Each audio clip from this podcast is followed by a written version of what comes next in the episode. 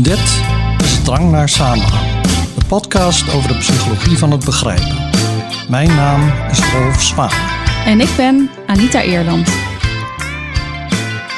Nou, we zijn er even tussenuit geweest. Niet dat de luisteraar daar iets van heeft gemerkt, want we zijn gewoon weer binnen twee weken terug met een nieuwe aflevering. Ja. Maar we zijn een paar dagen in Graz geweest en dat vond ik echt een verrassend leuke stad. Vond ik ook. Uh, we zitten trouwens in Oostenrijk, hè, dus het is maar twee uurtjes rijden van hier. Het is niet dat we helemaal vanuit Nederland naar Graz zijn gereden voor een paar dagen. Maar ik vond het ook een leuke stad, want um, voor een Oostenrijkse stad vind ik hem wel modern. In de zin van, uh, nou, je hebt veel mensen die fietsen. Uh, in Wenen heb je dat ook wel een beetje. Um, er zit natuurlijk ook een universiteit. Je hebt een buurt met veel studentencafés en zo. Ik vond het wel een, een prettige stad wat dat betreft. Uh, dus even afgezien van dat hij ook mooi is. Ja, hij is heel oud ook. Hè? Ik had ergens gelezen dat het dat Graz de grootste middeleeuwse binnenstad van Europa heeft. Ja, of van Midden-Europa of zo, dat weet ik niet meer. Maar ik vond, ja, ik vond het uh, heel mooi hoe je ook zo helemaal naar, naar boven kunt klimmen midden in de stad, naar een uh, klokkentoren. Hè? Ja, de het symbool van de stad is dat. Ja. Maar ik wist eigenlijk helemaal niks van Graz. Ik ook niet, behalve dat uh, zo'n voetbalclub hebben die Storm Graz heet. En um, Daar moet dat PSV Arnold Schwarzenegger er vandaan kwam. En ik wist dat het een mooie stad was. Dat had ik wel eens gehoord, maar... Um, maar nu ja. heb je het zelf gezien. Ja, en ik uh, onderschrijf uh, die mening helemaal. Ik vond het echt een, uh, een van de leukste steden waar ik geweest ben. Middelgrote steden. Het is ja. een beetje het formaat Utrecht, zou ik zeggen.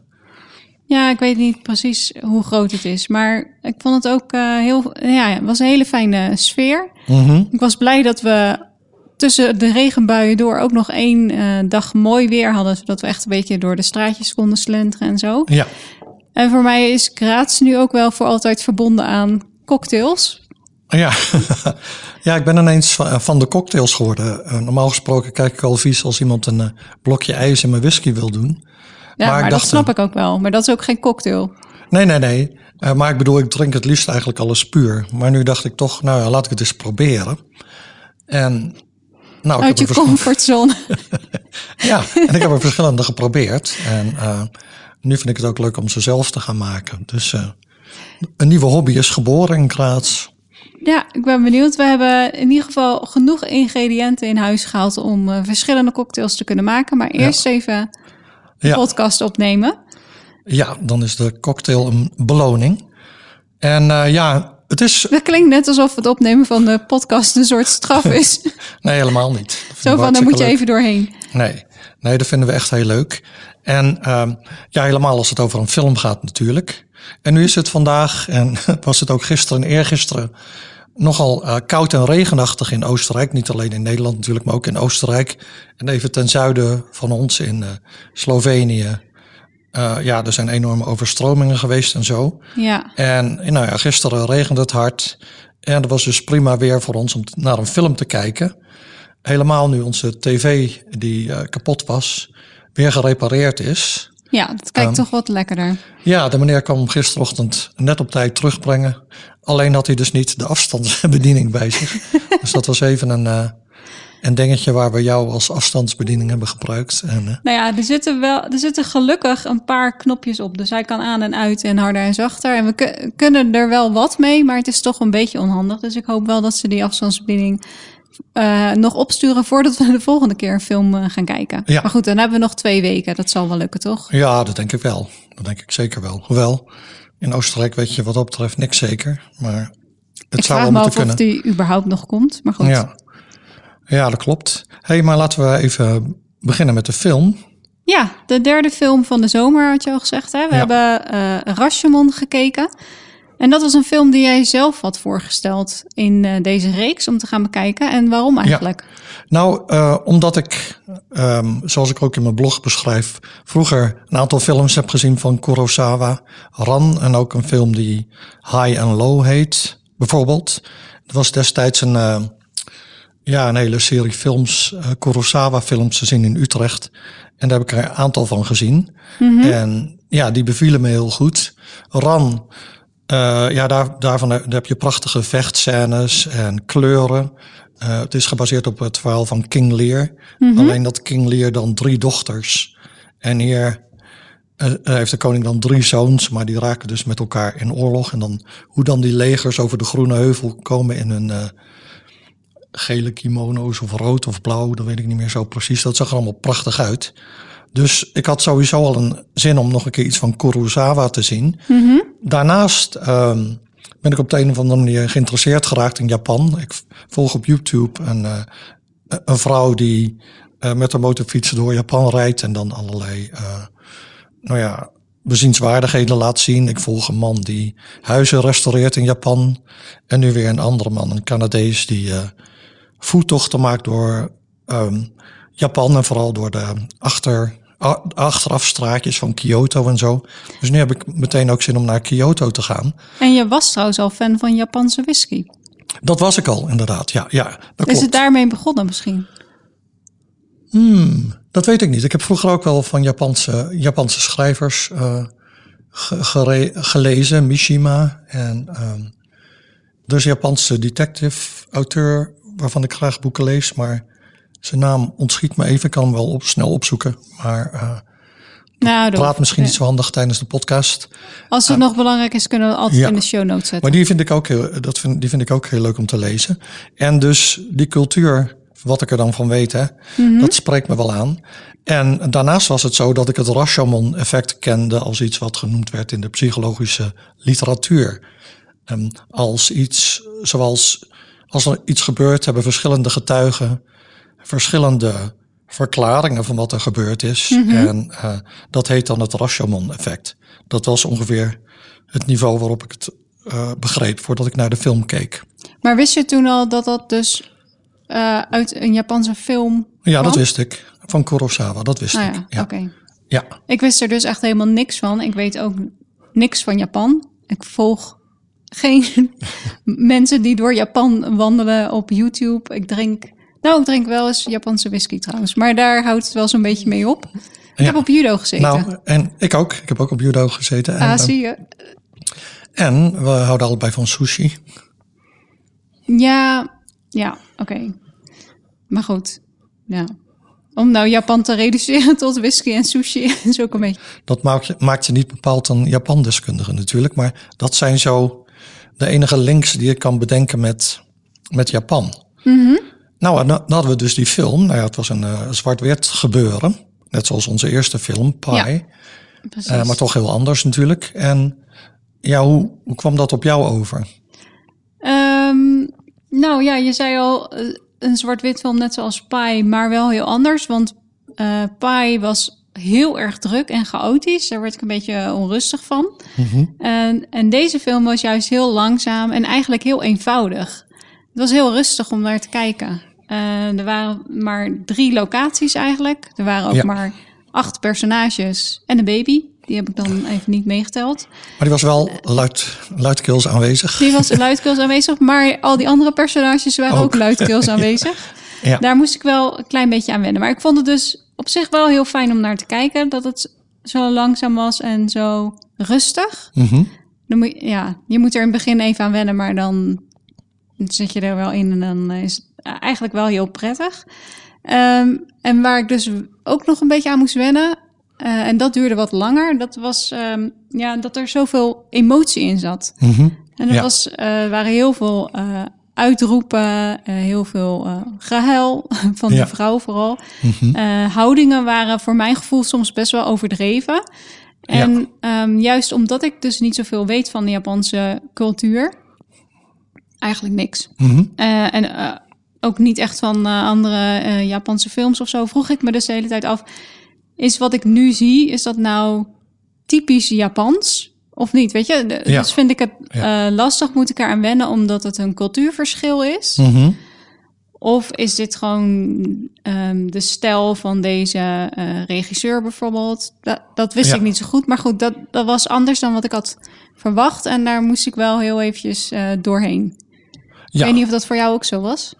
Ehm, ja, dat wel. Dus het leek, leek mij haast ook meer een toneelstuk te zijn haast dan een, eh, dan een film op sommige momenten. Vooral als je dus ehm, de personages hebt die bij die stadspoort zijn, bij Rashomon.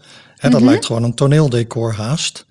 En dan het bos, dat is dan een van de andere locaties. dat, uh, ja, dat lijkt natuurlijk dan weer niet op een toneelachtergrond, maar dan de, de rechtbank, waar je gewoon de verdachten hebt die gehurkt zitten in grind tegen een soort kale achtergrond.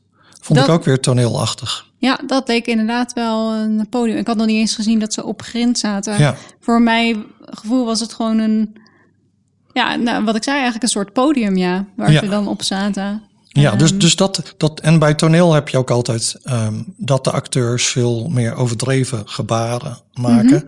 En gelaatsuitdrukking hebben dan normaal gesproken in films. Mhm. Dus ik had uh, ja, wel een associatie met toneel. En wat ik dan ook al interessant vond was dat sommige scènes, scènes vrij lang uitgesponnen waren. Wat ik juist wel mooi vond. Hè? En tegenwoordig uh, zie je dat veel minder in films. Dan gaat het heel, heel snel van, van shot naar shot. Ja. Maar hier had je bijvoorbeeld een scène waar die, de houthakker, die ontdekt dan dat er iets gebeurd is. Hè? Mhm. Hij loopt door het bos en dan vindt hij een, een hoed van een vrouw, en een, een mantel of zo.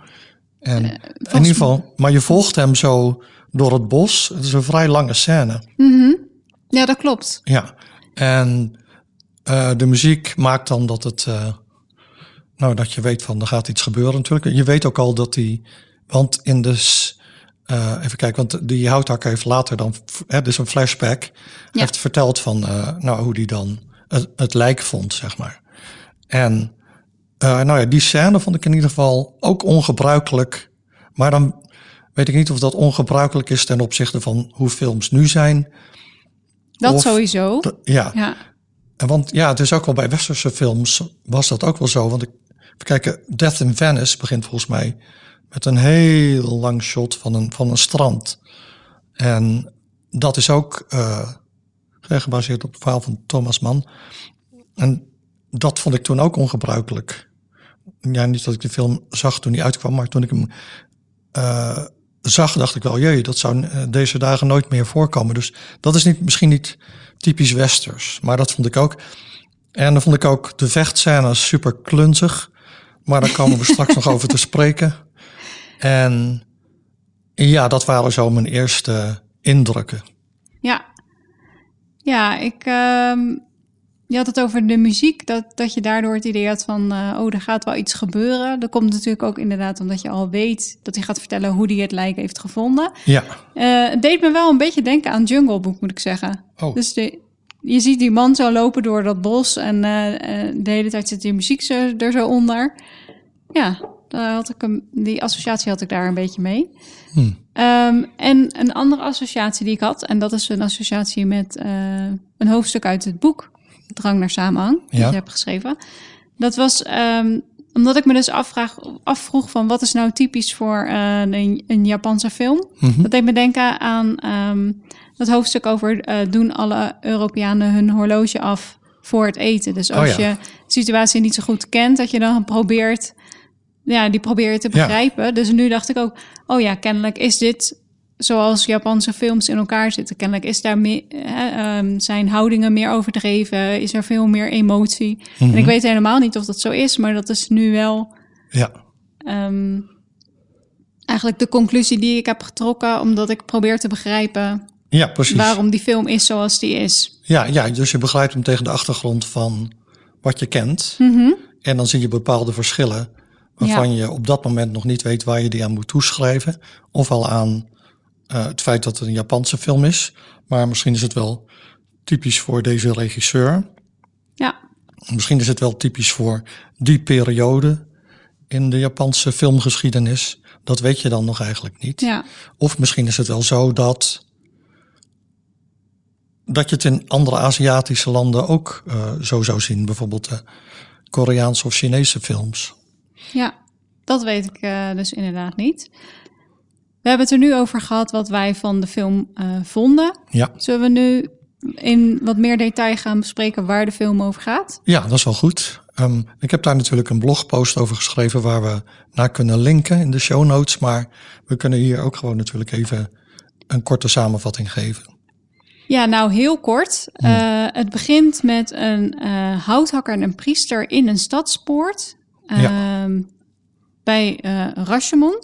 Ja, Rashomon, dat, dat betekent Dat staat- eigenlijk stads, stadspoort oh, volgens ik dacht mij. dat dat de, de plaats was waar de stadspoort van was. Nee, het, het is iets van de zuidelijke stadspoort naar Kyoto, geloof ik.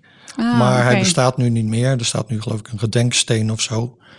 Maar toen In de was film dus bestaat hij ook ja, al half niet meer. Klopt. Want hij Ja. is al, eh, ehm, nou ja, aangetast door het weer of zo. Ik weet het niet. Hij is vernield in ieder geval, maar er, eh, het regent heel hard. Dus dat was eigenlijk wel toepasselijk toen we gisteren die film keken. Want buiten regent het ook knoerd hard. Ja, Eh, en die houthakker en die priester, die eh, zitten daar. En ehm, ja, het begint eigenlijk best wel interessant. mhm. Omdat de eh, houthakker een paar keer roept, ik begrijp het niet. ja klopt. Daar begint hij mee. Ja, nou ja, dan, dat maakt dus wel dat dit een geschikte film is voor deze podcast. Hè? Want die gaat over begrijpen. Ja, Dus eh, ja, die, die begrijpt het niet. En ehm, de houthakker niet en de priester ook niet. En ze vinden het allebei ook heel erg wat er is gebeurd. Het speelt in een tijd waarin Japan geteisterd werd door epidemieën, natuurrampen en, en oorlogen en zo. En hongersnood ook. Maar dat vonden ze allemaal minder erg eigenlijk dan wat ze nu te horen hadden gekregen. Ja, en als kijker heb je echt nog geen flauw idee waar dit over gaat. Die Nee. mannen zitten daar, eh, het regent, zij zitten daar wel droog. En ze hebben het met elkaar over nou ja, dat ze de situatie niet begrijpen en dat die situatie zo erg is. Dan komt er een derde man aan, die komt door de regen aangelopen. En ehm, nou ja, die hoort die andere mannen praten over dat ze de situatie niet begrijpen. En die wil dan eigenlijk weten waar ze het over hebben. Ja, Dus eh, de houthakker begint dan te vertellen eh, wat hem drie dagen eerder was overkomen. eh, en waarvoor hij en ook de priester eerder die dag in de rechtbank moesten verschijnen. Dat klopt, ja. En dan zie je ook al meteen iets van de structuur van de film. Hè. Die is ook vrij bijzonder. En wat je ziet is dat er een raamvertelling is. Dus je hebt een, nou ja, die, die dr- eh, drie mannen die bij de poort zitten. Later komt de baby er nog bij. Maar die zegt niet zoveel verder. die huilt alleen maar heel hard. Maar, eh, en die, aan de hand van hun verhalen, krijg je dan te horen wat er eventueel eerder gebeurd zou kunnen zijn. Dus elke keer krijg je dan een flashback naar een aantal dagen eerder en ook naar de, de, de rechtzitting, zeg maar. Die eigenlijk alleen maar bestaat uit dat de verdachten hun verhaal vertellen. Je krijgt niet de rechter te zien of wat dan ook. Nee, Zij die vertellen- hoor je ook niet. Nee, nee zij vertellen. eh, dus het is een hele simpele film wat, wat dat betreft. Hè, scènes en zo. Maar eh, ja, de- je hebt dus die raamvertelling. En dat is dan letterlijk het raam, zeg maar. ehm, die poort. En dan heb je steeds via flashbacks. ehm, eerdere gebeurtenissen die al dan niet zouden hebben plaatsgevonden. En dat al dan niet is dan heel belangrijk, want een ander gegeven uit deze film is, of een ander kenmerk is het gebruik van de onbetrouwbare verteller. En je krijgt dus flashbacks te zien en dan krijg je te zien wat volgens de houthakker gebeurd zou zijn of volgens een van de andere personages. En dat eh, in eerste instantie denk je, oh dat moet waar zijn, want dat is een flashback. Maar wa- waarschijnlijk is dus geen van die verhalen echt waar. Hè, daar komen we natuurlijk straks nog over te spreken. Maar dus het idee dat wat je te zien krijgt niet, niet waar is, dat het gemanipuleerd is door een verteller. Eh, dat, dat zie je heel sterk in deze film. En dan eh, ja, is dit eigenlijk een soort structuur. En eh, ge- gebruik van flashbacks en van onbetrouwbare vertellers, eh, die je ook terugziet in, eh, in andere werken, bijvoorbeeld andere films, de film Gone Girl, maar ook een aflevering van Star Trek The Next Generation heeft datzelfde idee. En er zijn nog veel meer voorbeelden. Dus Rashomon heeft wat dat betreft een grote invloed gehad op, op andere films en de populaire cultuur in het algemeen. Ja, want ik had wel gelezen dat het gebruik van flashbacks tot die tijd, eh, want deze film kwam uit in Japan in 1950 en volgens mij in Amerika in 1951, Ja, dus ruim eh, een jaar later. Maar dat het gebruik van flashbacks tot die tijd dus eigenlijk heel ongebruikelijk was. Dus Ja. dat hij dan misschien een van de eerste was die op die manier ehm, zijn film structureerde. Ja, En het is wel, wel mooi om te zien dat dat dus ook anderen heeft geïnspireerd ja. om op die manier een verhaal te vertellen. Ja, en, en, en dat het een raamvertelling is, daar, daar hadden wij het eerder over. En toen zei jij, ja, maar dus niet een ty- typische raamvertelling. Nee, ik dacht, eh, nou ja, het klassieke voorbeeld van een raamvertelling is natuurlijk Duizend en één Nacht. En daarin ehm, worden heel veel verschillende losse verhalen verteld. Ja. Die dan samenkomen omdat ze allemaal verteld worden door dezelfde eh, persoon. Ehm, en in die zin is dit natuurlijk geen klassieke raamvertelling, omdat de, de losse verhalen verschillende ehm, verklaringen zijn van verschillende personages. Dus Ja. elk personage vertelt hoe hij of zij de situatie, die de moord, kunnen we nu. Ja, daar hebben we, we hebben al gezegd dat er een lijk was gevonden, dus dat er dat er iemand Ja. dood is gegaan is logisch. Ehm, maar eh, hun kijk daarop vertellen ze. En dat zijn natuurlijk geen onafhankelijke verhalen. Nee, nee Die dat zijn klopt. allemaal gekoppeld aan elkaar. Dus daarom vroeg ik me af of het, oh ja, of het dan wel een raamvertelling is. Maar ik denk dat je het wel zo kan noemen. Maar het is niet een, een klassieke raamvertelling met losstaande verhalen. Nee, nee, die verhalen hebben wel iets met elkaar te maken. Ja, En daar, ehm, ja, dat, dat is zeker waar. Dat is een verschil hier met bijvoorbeeld Duizend en één Nacht. Ehm, maar goed, dat is dus een beetje, laten we zeggen, de structuur van de film. Eh, er is natuurlijk nog veel meer over te vertellen. m, eh, over de verhaalstructuur bijvoorbeeld, maar ook over hoe, over de cinematografie. Maar dat is niet echt ons terrein. Ehm, wij hebben ons meer gericht op de inhoud. Dus waar gaat die film nou eigenlijk over? Nou, de, mijn insteek was gebaseerd op wat ik wist van het Rashomon-effect. We krijgen conflicterende verhalen over een bepaalde gebeurtenis.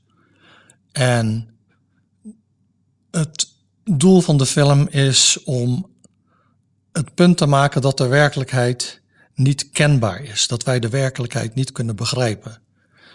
Dus dat er sterke epistemologische twijfel is. De twijfel of de wereld kenbaar is.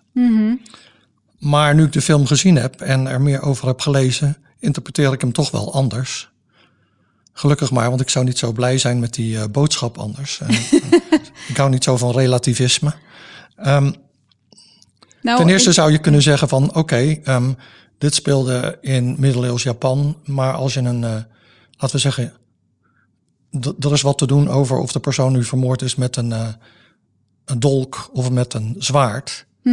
Maar met forensisch bewijs zou je dat zo kunnen bepalen wat er gebeurd is. Dus er is wel degelijk een, een werkelijkheid. Er is namelijk iemand vermoord.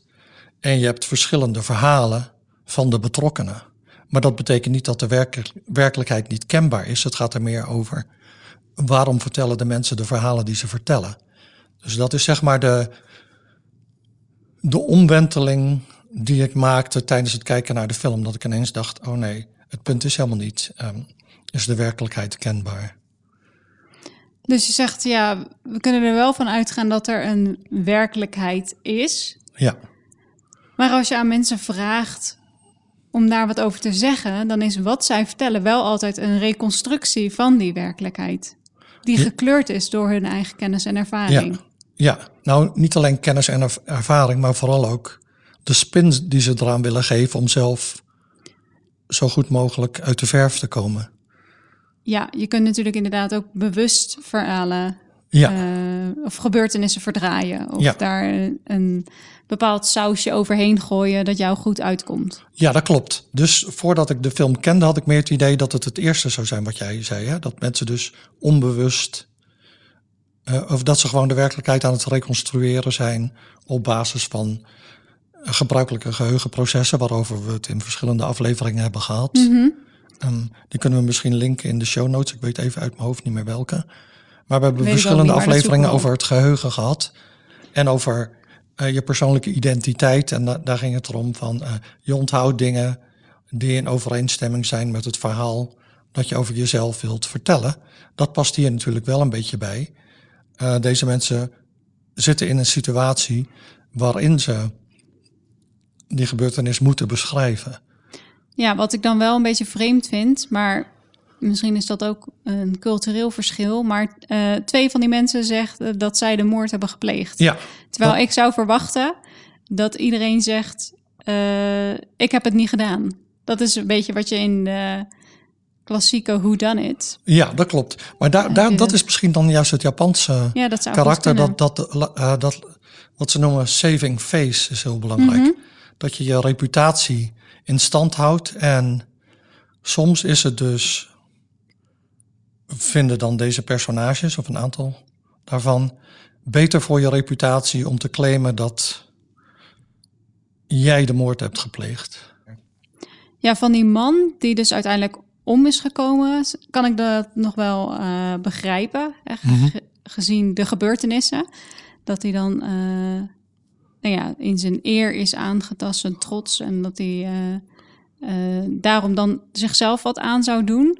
Eh, zijn vrouw, die komt ook met een verhaal in de rechtbank. En die Ja. vertelt eigenlijk min of meer dat zij haar man heeft vermoord. Ja. Maar ze neemt daar niet echt verantwoordelijkheid voor. Want ze zegt, nou ja, ze was door emoties overmand. ehm, want ze is, nou ja, ze, haar man, zij en haar man kwamen een bandiet tegen. Die bandiet vond die vrouw wel erg eh, leuk. Eh, we hebben in ieder geval alleen gezien dat hij haar heeft eh, gekust. Mhm. En ehm, haar man is dan, nou ja, weet ik niet, boos, verdrietig, in zijn eer aangetast. Je kijkt Ja. die vrouw in ieder geval heel naar aan. Zij wordt daar heel emotioneel van. En zij heeft die dolk in haar hand en ze zegt dan eigenlijk dat ze niet meer weet wat er gebeurt. Dan is ze waarschijnlijk eh flauw gevallen of zoiets. Mhm. En dat ze dan wakker wordt en dan ziet ze dat die dolk in het lichaam van haar man zit. En Ja. daardoor neemt ze aan dat zij het heeft gedaan. Maar ze Ja. zegt eigenlijk niet zo van... Ik, ik heb dat bewust gedaan of zo. Nee, dat klopt. Maar ehm, ze probeert wel op deze manier, ehm, zeg maar, met haar waardigheid intact, voor zover dat kan nog, eh, hè, dan in die Mhm. tijd, eh, uit dit verhaal te komen. De man die vermoord is, die heeft ook een relaas. En dat wordt dan tijdens de rechtbank eh, doorgespeeld door een medium. Dat was ook erg interessant, Ja. vond ik. Ja, dat was dus een, een, een vrouw.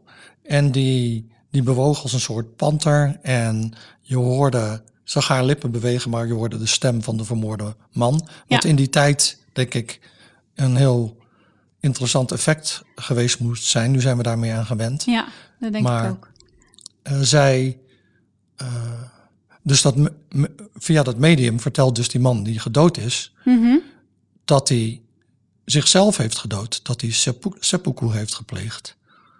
Dus met andere woorden, hij is niet gedood door de bandiet, niet door zijn vrouw, ook niet door de houthakker of wat dan ook, hij heeft het zelf gedaan. Ja. Dat is zijn verhaal. En het verhaal van de bandiet is dan weer anders, Mhm. want de bandiet zegt, eh, ja, ik eh, was zo aangetrokken tot die vrouw, ik begon haar te kussen en eh, ze vond het blijkbaar leuk. Hè, dat is in zijn verhaal zo. Mhm. Niet dat hij dat zo zegt, maar zo wordt dat in beeld gebracht. En toen heeft die vrouw tegen hem gezegd van... Als je met me wilt trouwen, dan moet je mijn man doden, zoiets. Dus volgens de bandiet begon hij toen een gevecht met die man. Ja. En dat was een heel zwaar gevecht, want die man wist steeds zijn slagen te pareren. En, eh, maar uiteindelijk is hij gedood, heeft hij die man gedood, maar toen was die vrouw al gevlucht. Ja. Dat is het verhaal van de bandiet. En dat was dus dat klunzige gevecht waar ik het over had. En daar zal ik straks nog wel op terugkomen. Ehm, ja, dus je hebt die drie verschillende verhalen. Of vier, want de houthakker heeft dan weer net een iets ander verhaal. Nou, de houthakker heeft in het begin eigenlijk geen verhaal. Want Nee. eh, hij moet naar de rechtbank omdat hij het lijk heeft gevonden. Ja. Dus wat je ziet in zijn eh, verklaring is eigenlijk dat hij alleen maar vertelt... ik ging naar het bos, want ik Mhm. wilde hout hakken. En toen kwam ik eerst een hoed met een sluier tegen. Dat was dus Ja. die hoed met die sluier van die vrouw. Toen eh, volgens mij die dolk, maar dat weet ik niet meer zeker. En hij vond touw dat doorgesneden Oh ja, was. touw, dat was het. Ja. Eh, en toen vond hij het lichaam en daarnaast in de buurt lag ook nog een eh, amulet. ja, Dat is eigenlijk wat hij vertelt en verder heeft hij er niks mee te maken. Ehm, later blijkt natuurlijk dat wat hij heeft verklaard in de rechtbank, dat dat niet helemaal de Klopt. waarheid is. En Mhm. gelukkig eh, komt u nog met een ander verhaal, zodat wij wel weten wat er nou precies is gebeurd. Want eigenlijk als kijker zit je nu met drie verschillende verhalen over wat er gebeurd is. Mhm. En je hebt geen idee wat je moet geloven. Nee. Nee, dat klopt. Dat klopt. Maar, maar eigenlijk dus vier, want je kan ook de, de houthakker niet geloven. Want nou ja, maar die vertelt in eerste instantie alleen maar dat hij het lijk Ja. heeft gevonden. Ja, klopt. En dat, Dus, dat eh, is ja. dus, eh, daarvan kunnen we dan, laten we zeggen, in de context van de film uitgaan dat het gebeurd is. Maar hoe, Dat weten we dan nog dus niet. al die verhalen Ja. over. En die houthakker heeft dan waarschijnlijk die dolk eh, gestolen. Want tijdens de rechtzetting wordt de bandiet gevraagd, maar wat heb je dan met die kostbare dolk gedaan? Want hij is tenslotte bandiet. Mhm. Eh, maar die was hij dan vergeten mee te nemen of zo. Ja, en dat was nogal ongeloofwaardig. Ja, en, en de man die vermoord is, die zei van... Ik voelde dat de dolk uit mijn hart werd getrokken, maar ik weet niet wie het gedaan heeft. Mhm. En dat was dus waarschijnlijk dan die houthakker, die daarom ook niet eigenlijk, nou ja, eh, eh, bij die rechtszaak betrokken wilde zijn. Maar eh, hij zegt wel, kijk, die drie verklaringen zijn dan geweest. En alle drie die eh, verklaringen gaan, of in ieder geval van die vrouw en de man die overleden is, gaan erover dat hij gedood is met een dolk. Ja, En dan zegt de houthakker tegen ehm, die derde man die naar die stadspoort komt, aan wie die eigenlijk dit hele verhaal aan het vertellen is. ja, Dan zegt hij, ehm, maar hij is niet gedood met een dolk, het was een zwaard. En zo Ja. weet de luister, de, de derde man bij de stadspoort, maar ook Ja. als kijker weet je dan, oh, hij heeft dus meer informatie dan hij tot nu toe heeft. ja, ja, precies. Verteld. Ja, Dus die Ja. man is niet met een dolk vermoord, maar met een zwaard. ja. Dus ik weet niet helemaal, je zegt als hij die dolk heeft gestolen, dat Dan- kan wel, maar dan was dat niet het moordwapen. wapen. Nee, want hij wil het niet. Nou ja, dan, als hij die dolk heeft gestolen, dan wil hij misschien helemaal niet zeggen dat er een dolk was. Oh, maar dan denk je dus dat die man niet met een zwaard om het leven Nou is ja, gekomen. d- dat weet ik niet. Dat weet ik niet. Dat kun je niet weten allemaal. Hmm. Zonder eh, forensische CSI-mensen en zo. Ik denk maar, dat er eh, nu geen sporen meer zijn, zo, eh, Nee, zoveel jaar na eh, de daad. dat denk ik ook. En, eh, maar goed, en dit is hoe wij het nu begrijpen. Ik bedoel, als nou, je de begrijp film... het dus nog steeds niet. Nee, nee, ik bedoel, als je hem nog vijf keer ziet, dan begrijp je hem waarschijnlijk nog steeds niet. Maar dan heb je wel die details wat eh, frisser in je geheugen dan wij ze nu hebben. Hmm. Dus ehm, ja, je zou dus kunnen zeggen van, je hebt die vier verhalen die niet met elkaar te rijmen zijn. Ja, En eh, het gekke is inderdaad dat sommigen zeggen van, ja, ik heb het gedaan. ja. Want je zou zeggen van, dat moet je nu juist niet doen. Nee. Ehm, innocent to- until proven guilty. In ieder geval dus niet, niet in Japan, misschien in die tijd. nee, maar, maar, ehm, ja. maar dat heeft dan te maken met dat je je eer wil redden. Zo interpreteer ik dat althans. Mhm. ja, dat klinkt wel plausibel. Ja. Nou ja, dan, dan is dus volgens... Ik heb daar nog wat meer over gelezen en ook een online college over gezien, over Rashomon. Eh, dat, dat er eigenlijk twee interpretaties tegenover elkaar staan van die film. De een is de westerse interpretatie en die is van ehm, de waarheid is subjectief. Ja, We kunnen de, eh, de werkelijkheid niet kennen. En daarom. eh, en dat is de boodschap van de film. En dat past dus heel goed in, eh, laten we zeggen, deze post-truth tijd. En dat was dus- ook wat jij eh had Wat was verwacht, mijn toch? uitgangspunt? Ja. Maar wat dan bijvoorbeeld moeilijk te verklaren is, is die, die laatste scène. Dus je hebt bij, bij de poort heb je de priester, de houthakker en eh, de commoner wordt hij Ja. genoemd, de gewone man. ja. En de priester staat voor, die heeft allerlei morele eh, ehm, problemen met wat er gebeurd is. Mhm. De commoner is heel cynisch. Die zegt gewoon alle mensen zijn slecht. En de houthakker zit er tussenin. Dan is de laatste scène is met die baby. ja die en er ligt ineens zo, je ligt. hoort ineens een baby Ja. huilen bij de tempel. Dus iemand, of niet Bij bij, de de, tempel, bij de stadspoort. Iemand heeft daar een baby neergelegd. Blijkbaar werden, werden er in die tijd steeds ook lijken bijvoorbeeld neergelegd bij de stadspoort of wat dan ook. Als mensen ergens vanaf wilden zijn. Bijvoorbeeld als ze een familielid hadden, maar geen geld hadden om het te begraven. Of als ze nou ja, moord gepleegd hadden of wat. Of als ze niet voor een kind konden zorgen. Dus hier ligt dan een kind met een amulet en Mhm. een kimono of zo. Ja. En die gewone man, die pakt dan het amulet en de kimono. Ja. En de priester is daar dan, eh, nou ja, door geschokt en zo. En die, die heeft dan de baby. Ja, want die andere man die pakt dat en die rent daar ook mee weg. Ja, hè? die Dus rent ermee weg. Die steelt dat. Die steelt dat. En de houthakker, die dus waarschijnlijk die dolk heeft gestolen... en dus niet per se een goed mens is... die zegt, ik neem die baby wel, want ik heb eh, nog zes kinderen. Dus ik kan er wel voor zorgen. Ja, hij zegt eh, van eentje meer maakt niet uit. Ja, Ja. En, en dat herstelt dan bij de priester het vertrouwen in de mensheid. Hè? Dat is zo'n beetje het beeld dat je krijgt. Eh, dus de priester, eh, nou ja, die zit dan, die staat dan aan de kant van de morele verontwaardiging. De gewone man is cynisch en de houthakker zit er tussenin. Hij is wel een mens die fouten maakt, maar hij kan toch ook voor het goede kiezen. Ja, Eh, hij is niet Ja. inherent slecht. Nee. Dat is zo'n zo'n beetje het einde van de film. En dat is eigenlijk moeilijk te rijmen met dat hele verhaal van de werkelijkheid is subjectief Mhm. enzovoort. En daarom zegt Kurosawa, nee, dat is een westerse interpretatie van mijn film.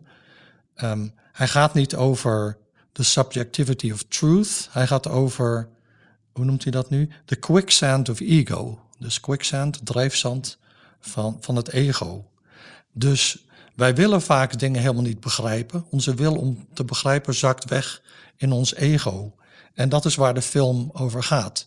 Die personages die willen allemaal hun eer in stand houden. Dus de bandiet wil overkomen als een superhandige en eh angstaanjagende en eh roemruchte bandiet. En daarom schreeuwt hij ook de hele tijd en, en, en eh, maakt hij drukke bewegingen. Mhm. En, maar eigenlijk is het gewoon een, een lompe gast met een zwaard. En dat verklaart dan ook de klunzigheid van die vechtscènes. Want die zien we door zijn ogen en het ziet er ontzettend klunzig uit. Ze vallen de hele tijd. ze- ze zijn wild aan het maaien met een zwaard. En het is niet dat Kurosawa, Ku- Kurosawa niet weet hoe je vechtscènes moet regisseren. Want dat blijkt wel uit films zoals Ran en zo. Mhm. En hij had blijkbaar ook. ehm, hij deed ook zwaardvechten met zijn vader of zo. Dus dat wist hij allemaal wel. Dus het was bewust heel klunzig. Omdat het namelijk niet de werkelijkheid is. Maar het is het verhaal van de bandiet die zichzelf ziet als een goede zwaardvechter. Maar uit ehm, nou ja, die beelden blijkt dat hij dat helemaal niet is. En dat vond ik dus. Dat had ik in het begin helemaal niet door. Ik dacht gewoon van, nou, dat ziet er wel een beetje super klunzig uit. Maar misschien ehm, is dat, eh, nou ja, hoort dat bij het feit dat het een beetje toneelachtig is of zo. Ja, of was dat vroeger zo? Hadden ze misschien nog minder goede technieken om eh zulke soort scènes te maken? Ja, precies. Maar het gaat er dus eigenlijk om dat we zelf wel verhalen vertellen en ook onszelf dingen wijsmaken, maar dat we daar dus eigenlijk niet zo goed op kunnen vertrouwen. Ja. Ja, omdat we toch proberen dan onszelf te rechtvaardigen. En, Ja. en dat is meer waar die film over gaat. En als Kurosawa dan ook gevraagd werd van... maar wat is er dan echt gebeurd? Of is het zo dat, er, eh, dat je niet kunt weten wat, die echt, wat er echt is gebeurd? Dan zegt hij nou, wat je weet is dat er iemand echt dood is. Ja. Nou ja, dat, dat is ook de enige ja. conclusie die wij dus de kunnen werkelijkheid is niet onkenbaar. Het is gewoon Mhm. zo dat mensen uit eigen belang ehm, een bepaalde spin geven aan gebeurtenissen. En, en dat is iets moreels. En dat maakt dus dat die film meer een morele in- interpretatie zou moeten krijgen. En in dat licht kun je dan ook die laatste scène begrijpen. Want als het gewoon zou zijn, de werkelijkheid is niet kenbaar, dan is die laatste scène met die baby eigenlijk. Nou, die niet te is dan niet nodig ook Nee, voor het verhaal. Nee, en Dat als we het hebben over begrijpen, is het vormen van coherente mentale representaties van een situatie, en dat kan zijn een situatie in de werkelijkheid of een vertelde situatie, dan is dus het situatiemodel waarin ehm, de nadruk ligt op het morele gehalte, is coherenter, want daarmee kun je de hele film verklaren, dan de interpretatie dat de werkelijkheid niet kenbaar is. Ja, En dat van, ja. ja en, en dat we dus eh, verhalen vertellen die passen bij het beeld dat we van onszelf hebben of dat we willen dat andere mensen van ons hebben. Dat past Mhm. ook heel goed bij waar we het eerder in eerdere afleveringen over hebben gehad. Hè? Dat je Ja. een consistent beeld eh, wil hebben zelf. En Ja. ook wil tonen aan de buitenwereld over jezelf. Mhm. Dat dat heel belangrijk is. Ja, dus we hebben nu al een behoorlijke tijd over, over Rashomon. En wat, wat is nu het idee waarmee jij eh, wegkomt, zeg maar? Ehm, nou, dat ik misschien toch nog iets meer Japanse films moet kijken. Of Mhm. ehm, films die niet per se westers zijn. Omdat ik het wel heel interessant vind. En omdat je op die manier ook meer leert over andere manieren van films maken. En over andere culturen. Verder vond ik het wel leuk omdat ik, ehm, nou ja, altijd wel geïnteresseerd ben in, in, ben in crime. Of dat nu waar gebeurd is of niet. En ik vind hoe dan het films heel erg leuk. Ik vond ehm, wat dat betreft deze film dus ook daar wel een beetje in passen. En ik dacht dus, voordat wij gingen praten over de film, dat ik wist hoe het zat. Maar volgens mij, nu we het erover hebben gehad, weet ik alleen maar dat ik niet weet hoe het zit. Ja, dat, eh, nou ja, dat vind ik eigenlijk ook altijd leuk van dit soort films, dat ze je aan het denken zetten. Hè, dus met zo'n standaard Hollywoodfilm. Hollywoodfilm, ja, nou, dan komt, eh, komt het precies uit zoals je verwacht. En eh, er zijn natuurlijk wel films in Hol- Hollywood die niet dat eh, patroon hebben, maar de meeste hebben dat wel. En die beklijven eigenlijk ook niet. Van dat soort films onthoud ik dan eigenlijk ook niet veel. Terwijl dit soort films je dan aan het denken zetten. Dus je de ervaring. De film heeft een lange afdronk, zeg maar. Oh, dat heb je wel mooi gezegd. Ja, Ja, ik zit ook al een beetje aan cocktails te denken. Maar, maar, maar dat, dat is eigenlijk, eh, ik bedenk het nu ter plekke hoor, maar dat is het eigenlijk. Dat bij film, films is het zo, oké, eh, afgelopen, volgende. wie heeft er zin in een Ja. biertje, zeg maar. Maar bij deze blijf je toch nog wel even doordenken. En heb En- je zin in een cocktail? Ik heb zin in een cocktail, zeker ja. Eh, nou, we hebben vanochtend boodschappen gedaan. ehm, en ik heb alle ingrediënten voor een Bloody Mary en een whisky sour en een eh, old fashioned en pina colada. Die kunnen we allemaal sowieso maken. Nou, aan jou heb ik vanavond geen En kind meer, mimosa. hoor ik al. Ik ga ze niet allemaal ehm, proberen, maar wel. Oh, en een eh Moscow Mule kan ook. Maar die heb ik al gehad, die vind ik niet zo lekker. Oh, ik dacht dat je die wel lekker vond. Nee, Oh, dus nee. we hoeven niet die speciale mokjes daarvoor te kopen. Nou, die mokjes vind ik dan wel leuk, van die koperen Ja, mokjes. maar Dan moet er wel een Moscow Mule in. Als je die niet wil drinken, dan eh, hoeven we die glaasjes Ja. niet te kopen. Nee, ik vond, nou, het is denk ik lekker als het 38 graden is of zo, maar niet eh, als het 17 graden is. Nee, het is niet echt eh cocktail weer, moet ik zeggen. Maar nou, ik heb Bloody Mary weer, weer is het wel. Maar hey, dus nog even over de film, want ik vind dus inderdaad het heel leuk om dit soort films te bekijken en dat misschien ook vaker te doen in de podcast, ehm, om het daarover te hebben, omdat je ja, eigenlijk op een vrij natuurlijke manier allerlei psychologische processen kunt bespreken. Mhm. En bovendien vind ik het ja, een belangrijk onderdeel van, van onze cultuur. Nou, dit is dan ja, cultuur van de mensheid in dit geval. Mhm. Waar ik in ieder geval niet al te veel aandacht aan heb besteed. Ik heb hier en daar natuurlijk wel films gezien, maar niet echt met deze podcast pet op.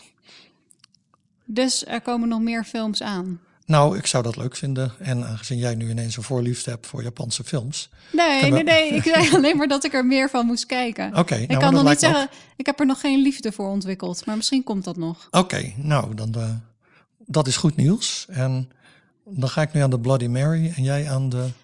Ik ga voor een pina colada. Oké, nou eh, gaan we zo doen. Maar nog even ter afsluiting. Een aankondiging van onze volgende film. En dat is de film Her. En dat is een film die gaat over artificial intelligence. En die bespreken we over twee weken.